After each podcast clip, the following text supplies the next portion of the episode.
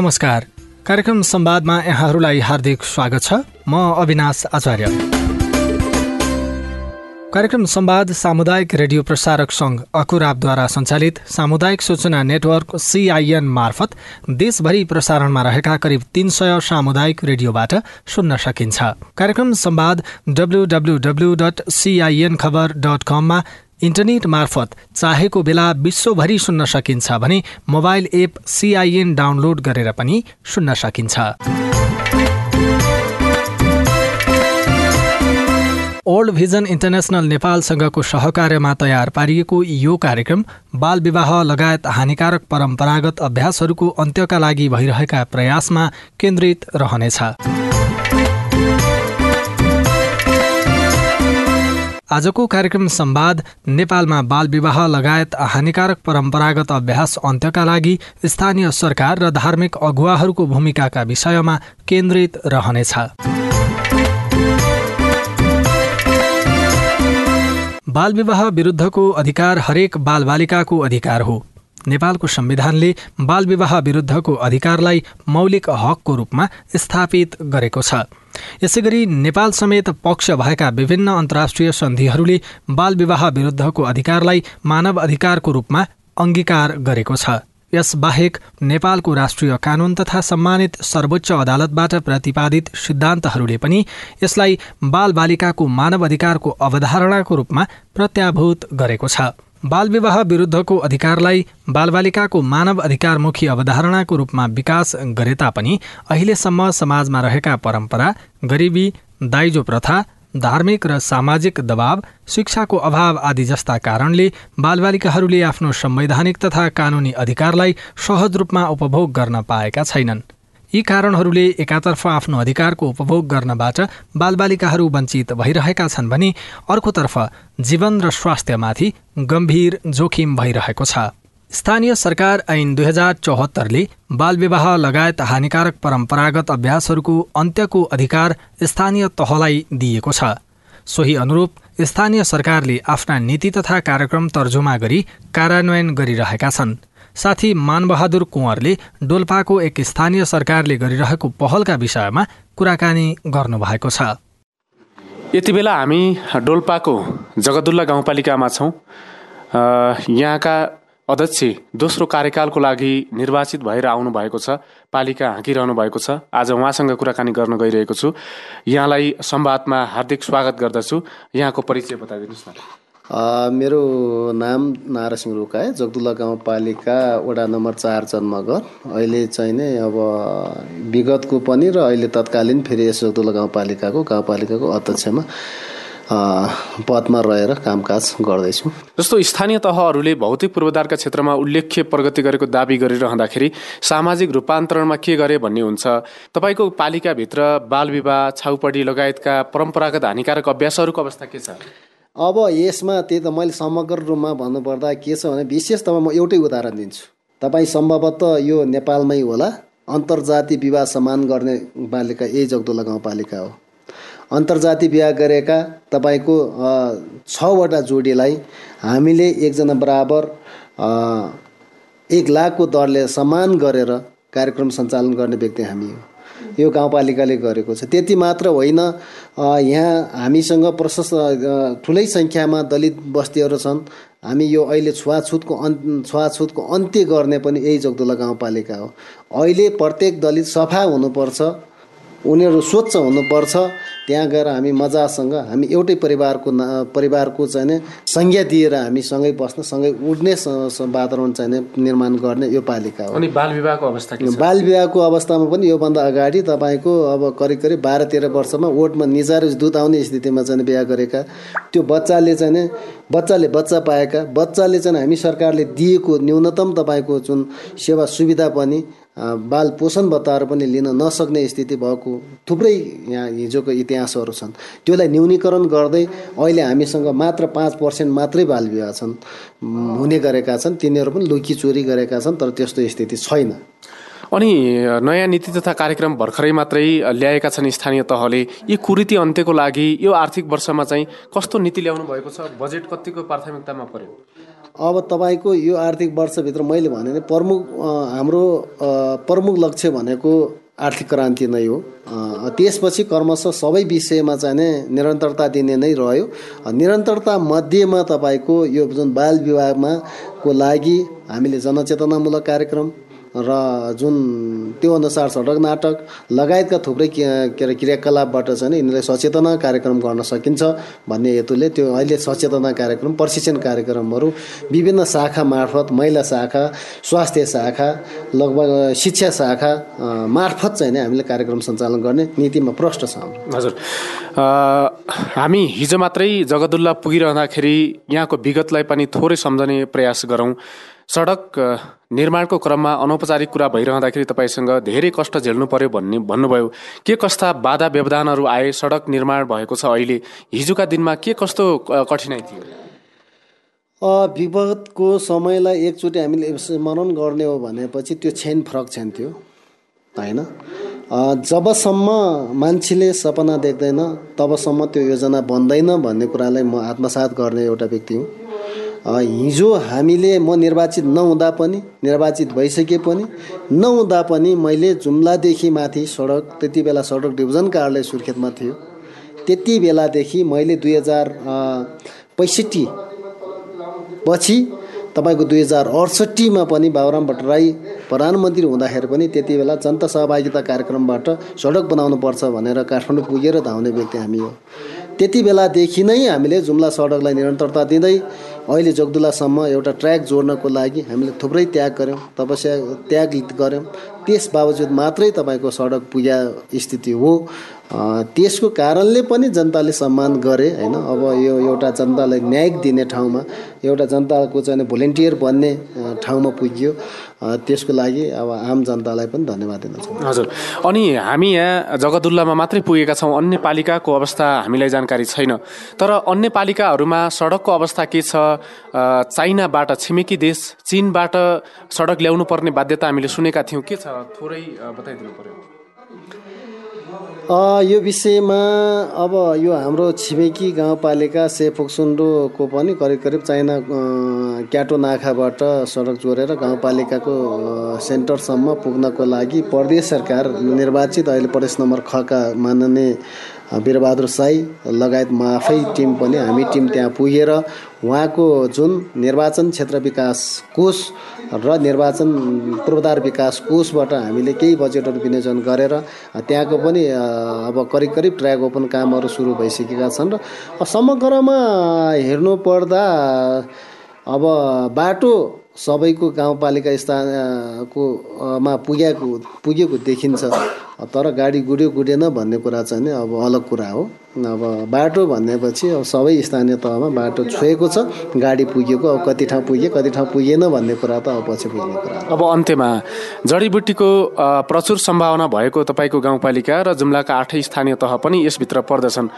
हामीले आँखैले हेर्दाखेरि यासा टिप्न सकिने पाइने ठाउँ देखेका छौँ तर यो भूगोल कस्तो छ यहाँका नागरिकहरूले कहिले यार्सा टिप्दछन् यस विषयमा पनि बताइदिनु अब यार्साको लागि तपाईँको डोल्पाकै अब धेरै जसो ठाउँभन्दा अलिक बढी पाउने ठाउँ नै यो जगदुलामा हो। जगदुलाको पनि जगदुला कागमारा लगायत अब भित्र थुप्रै वनहरू छन्। अब त्योभित्र चाहिँ हामी जेठबाट टिप्न सुरु गरेर असार साउनसम्म असारको अन्तिमसम्म चाहिँ टिप्ने गर्दछ। त्यसैले यो नै यहाँको चाहिँ मूल एउटा अर्थतन्त्रको चाहिँ आधार हो। नेपालमा बालविवाह एक बहुआयामिक र जटिल समस्याको रूपमा रहेको छ। मानव अधिकारको गम्भीर उल्लङ्घन र लैङ्गिक विभेदको रूपमा बालविवाह रहेको छ। दुई हजार अडसठी सालको जनगणना अनुसार नेपालमा विवाहित महिला मध्ये पचहत्तर प्रतिशत बीस वर्ष उमेर मुनिका रहेका छन्।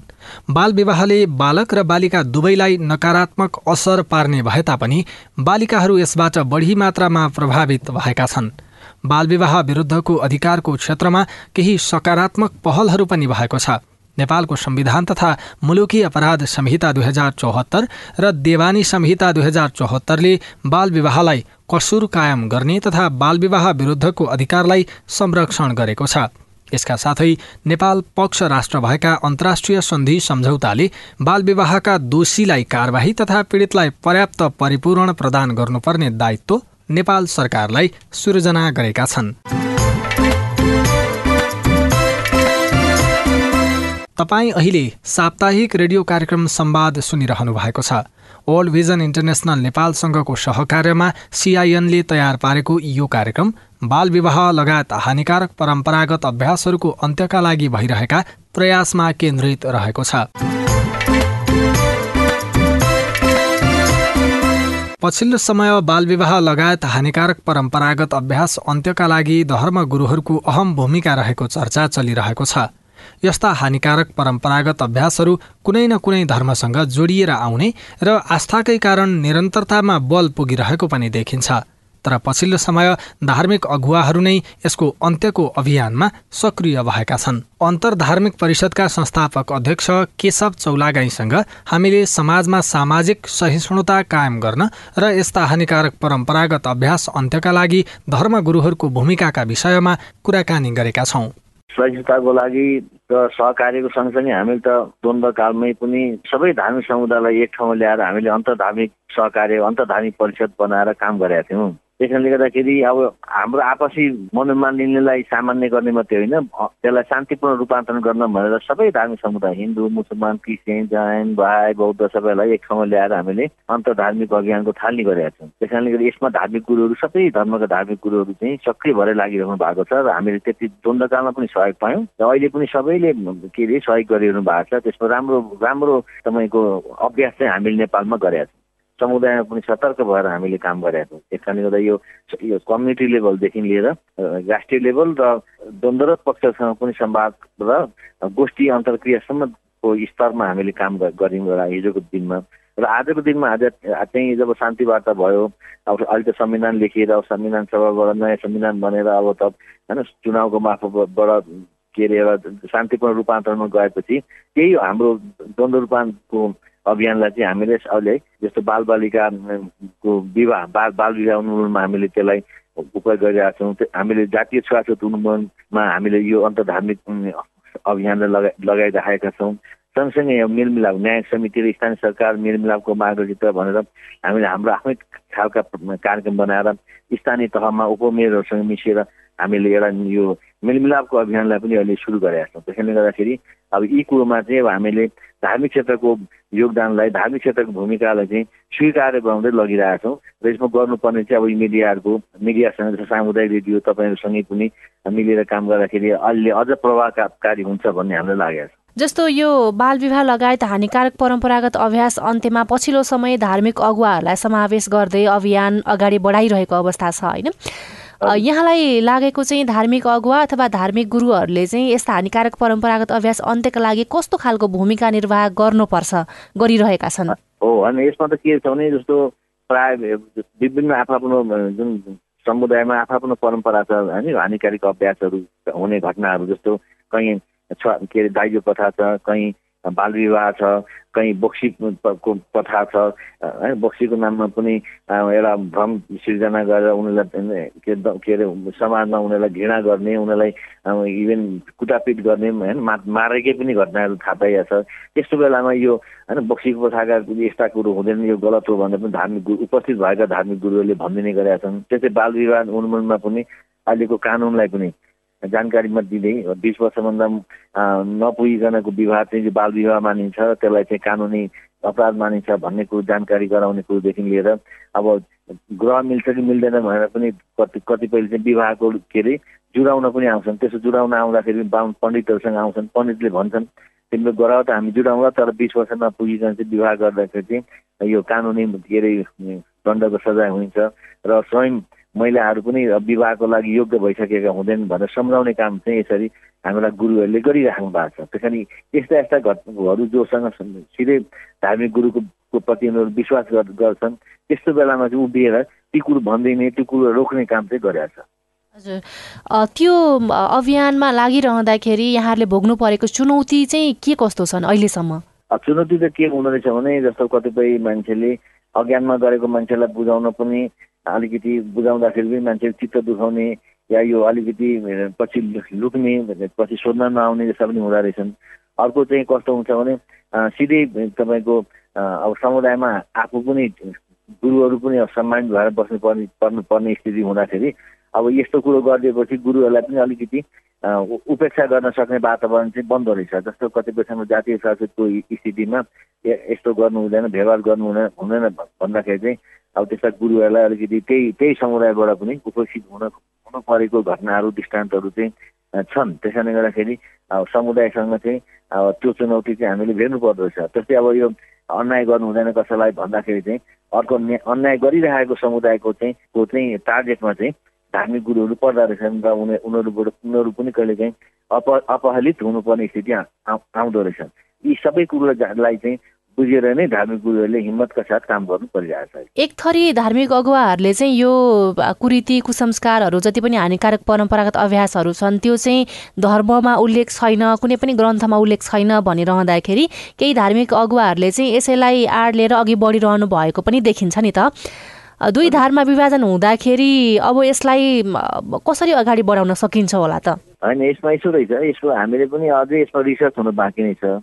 धर्मकै आधारले भन् जस्तो लाग्छ मान्छेलाई हेर्दाखेरि। वास्तवमा जस्तो हिजो माओवादी द्वन्द्वको बेलामा पनि धर्मकै आधारले द्वन्द्व हुन्छ भन्ने मात्रै मान्छेलाई थियो। पछि त राजनीतिक सत्ताको लागि हिंसात्मक द्वन्द्व भयो। अनि यस कारणले गर्दाखेरि द्वन्द्व खालि धार्मिक क्षेत्रले धार्मिक कारणले मात्रै भएको हुँदैन। सामाजिक कारणले आर्थिक कारणले कहिलेकाहीँ अन्तर्राष्ट्रिय इन्ट्रेस्टको कारणले हुने अन्तर्राष्ट्रिय यो रणनीतिक एउटा होइन इन्ट्रेस्टको कारणले पनि द्वन्द्वहरू हुँदो रहेछन् अनि यस्ता हुँदो रहेछन्। अनि त्यसमा यी कुरो पनि भयो। अनि यस्तो सामाजिक रूपमा कुरीतिहरू पनि यो गलत हानिकारक अभ्यासहरू पनि सबै धार्मिक आधारले भएको हुँदो रहेछ र सामाजिक आधारले कतिपय ठाउँमा चाहिँ अब हामी त अब भारतसँगको खुल्ला उता पारिपट्टिको एउटा खुल्ला सिमानामा पनि भोगिराखेको मान्छे यता यताबाट जाने उता देखिने कोही उतैबाट आएको पनि बसेको हुनाले उतातिरको भइरहेको त्यस्ता गलत प्रवृत्ति पनि यता नेपालमा मौलाको देखियो पाइयो।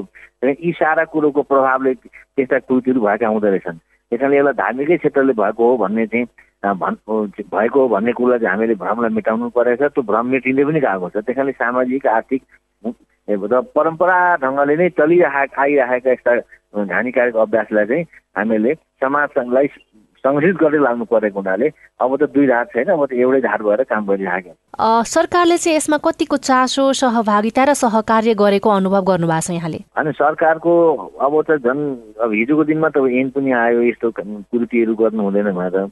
तर काम गर्नुपर्ने कुरोमा जुन बजेट छुट्याएर बेलामा कति ठाउँमा बजेट छुट्याउने कतिपय ठाउँमा सङ्गठित गर्ने कतिपय ठाउँमा पाठ्यक्रम पाठ्य पुस्तकहरूमा पनि यस्ता कुरो हाल्ने कुरोहरू गर्नुपर्थ्यो सरकारले त्यसमा चाहिँ करिब करिब भनौँ न नाइन्टी पर्सेन्ट चाहिँ सरकारले वास्ता नगरेको देखिन्छ क्या। जस्तो पाठ्य पुस्तकहरूमा पनि गलत हानिकारी अभ्यास यी हुन् भनेर सबै खालको पाठ्य पुस्तकमा हालिदिने भने यसले धेरै ठुलो कन्ट्रोल गर्थ्यो नि। पाठ्य पुस्तक बनाउँदाखेरि कुरो हाल्दै नहाल्ने। एक अर्को त्यस सरकारको यहाँ कमजोरी देखिएको छ। दोस्रो कुरो अलि स्थानीय तह आएपछि आएपछि अब के अरे दलित महिला प्रतिनिधिहरू पनि तपाईँको निर्वाचित निर्वाचित भएर आएका छन्। त उनीहरूलाई र धार्मिक समुदायलाई जोडेर एउटा के अरे जातीय स्वास्थ्यको उन्मूलनमा र सामाजिक न्यायको स्थापनाको लागि लाग्ने हो भने त्यसले ठुलो काम गर्थ्यो त्यतातिर न स्थानीय तहले सोचेको छ न न तिनै समुदायहरूका संस्थाले पनि त्यो त्यो कुरोलाई महत्त्व दिन सकेका छ। त्यस कारणले गर्दा यसमा त्यो यो जातीय स्वास्थ्य उन्मूलन र सामाजिक न्यायको स्थापनाको लागि गर्नुपर्ने कुरोमा चाहिँ सरकारको तर्फबाट राजनीतिक तर्फबाट चाहिँ खालि हल्ला चाहिँ बढी भयो। है हल्ला चाहिँ बढी भयो काम चाहिँ के भएको छ? आगामी दिनमा धार्मिक अगुवाहरूसँग सरकारले कसरी कुन कुन ठाउँमा सहकार्य गर्न सक्छन्? सहकार्य गर्ने ठाउँ त एउटा त स्थानीय तहसँगै हो। स्थानीय तह मार्फत पनि सरकारले भनौँ सामाजिक कुर्ती हटाउन स्थानीय जनप्रतिनिधिहरूसँग मिलेर मिलेर जन जनप्रतिनिधि र धार्मिक गुरुहरूलाई मिलाएर एउटा कार्यक्रम आयोजना कार्यक्रमको डिजाइन गर्ने भने देशैभरि हरेक वडामा हरेक टोलमा यी कार्यक्रमहरू हुन्छन् र जागरण आउने आउनेछ अर्को कुरो कानुनले मात्रै रोकेर रोकिँदो रहेछ संसारभरि हेऱ्यो अमेरिकामा पनि हेऱ्यो अब अमेरिकामा पनि गोरा र काला बिचको कत्रो विभेद छन्। अहिले कानुन त्यत्रो स्वतन्त्र प्रधानतन्त्र देशमा त त्यस्तो किसिमको छ भने हामी किन अशिक्षित ठाउँमा चाहिँ त्यो कुरो त्यस्ता कुरो सहजै समाधान हुँदैन। त समाधान गर्न खोज्दाखेरि चाहिँ हामीले अब स्थानीय एन एनलाई टेकेर स्थानीय एनसँग मिलेर स्थानीय तहसँग काम गऱ्यौँ भने यो छिटो सकिन्छ। अर्को पाठ्यक्रम पुस्तकमा त पनि हो। पाठ्य पुस्तकमा पनि यी कुरोलाई के भने समावेश गरेर गर्नुभयो। त्यस्तै अब सङ्घ संस्था छन् आइएनजिओहरू छन् तपाईँको अब छुवाछुत हटाउनलाई भनेर दलित एनजिओहरू छन् अब अरू जातीय समानतालाई काम गर्ने अरू संस्था छन् उनीहरूले अरू समुदायसँग पनि मिलेर काम गर्नु खालि फन्ड ल्याएर मात्रै काम गर फन्ड ल्याएर मात्रै काम कार्यक्रम आयोजना गरेर मात्रै यो यस्ता कुरो चाहिँ हट्छन् भन्ने छैन। त्यही कारण यस विषयमा चाहिँ धार्मिक गुरुहरूलाई धार्मिक संस्थालाई चाहिँ समाजमा चाहिँ उपयोग गर्न सक्यो भने सरकारले पाठ्यक्रम निर्माणमा होस् तपाईँको यो स्थानीय तहमा जातीय सुरक्षित उन्मूलनको लागि धार्मिक कार्यक्रम गरेर होस्। अनि अर्को राष्ट्रिय स्तरमा पनि मन्त्रालयले काम गर्दाखेरि पत्र गर्दाखेरि धार्मिक गुरुलाई उपस्थित गराउने हो भनेदेखि तपाईँको सात सय त्रिपन्नवटा स्थानीय सरकारमा स्थानीय तहमा राम्रो सामाजिक रूपान्तरणको लागि धार्मिक गुरुहरूको चाहिँ राम्रो भूमिका स्थापित हुनेछ। कार्यक्रममा अब पालो भएको छ यो सन्देशमूलक गीत। बिहे गर्छु म त्यो सीता जसले लिन दाइजो र केही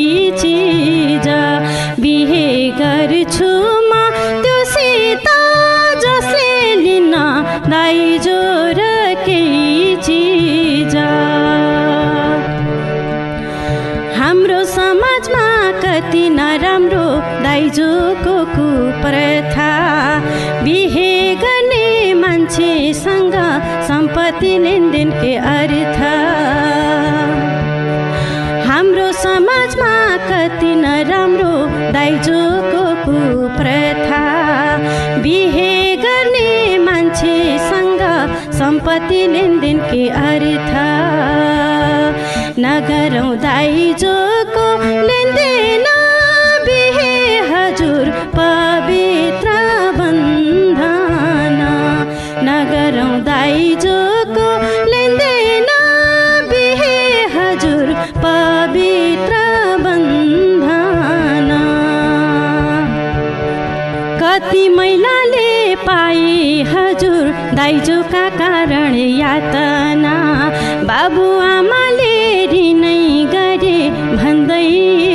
बचाउन।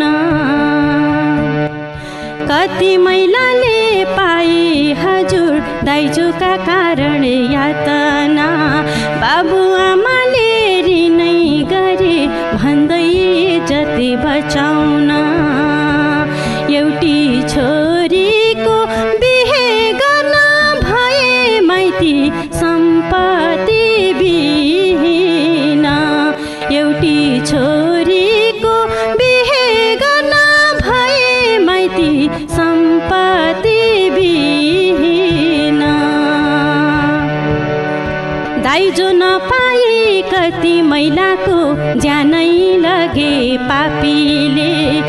दाइजोको प्रथा हटाउनै पर्छ। यो समाजबाट हामीले दाइजो नपाए कति महिलाको ज्यानै लगे पापीले। दाइजोको प्रथा हटाउनै पर्छ। यो समाजबाट हामीले सुन सबैले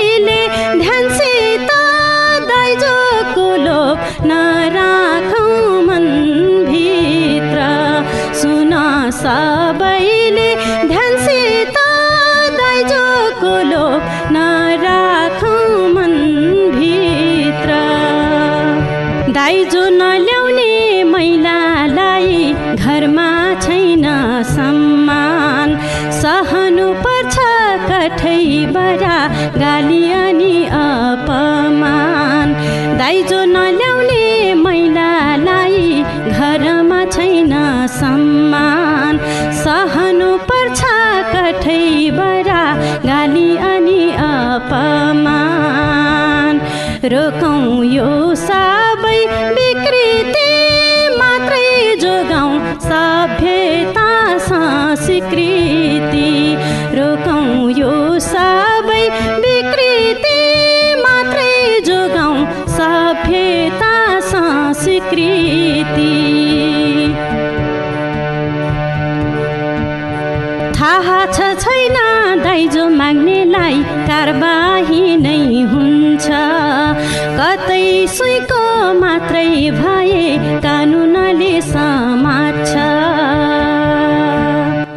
थाहा छ छैन दाइजो माग्नेलाई कारबाही नै हुन्छ। कतै सुइको मात्रै भए कानुनले समात्छ। बिहे गर्छु म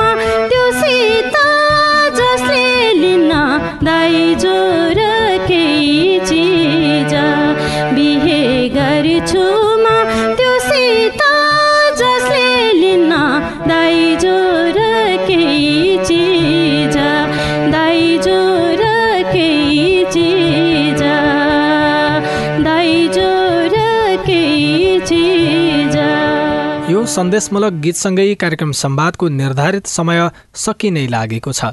आजको विषयवस्तु तपाईँलाई कस्तो लाग्यो? बालविवाह लगायत हानिकारक परम्परागत अभ्यासहरूको अन्त्यका लागि तपाईँको केही अनुभव पो छन् कि? हाम्रो टेलिफोन नम्बर शून्य एक बाहन्न साठी छ चार छमा फोन गरेर दिइएको निर्देशन अनुसार तपाईँ आफ्नो अनुभव तथा सल्लाह सुझाव जिज्ञासा एवं प्रतिक्रिया रेकर्ड गर्न सक्नुहुन्छ। साथै तपाईँले हामीलाई हाम्रो Facebook page community information network सिआइएनमा गएर पनि आफ्ना कुरा लेख्न सक्नुहुनेछ। हामी तपाईँको प्रतिक्रिया पर्खिरहनेछौँ।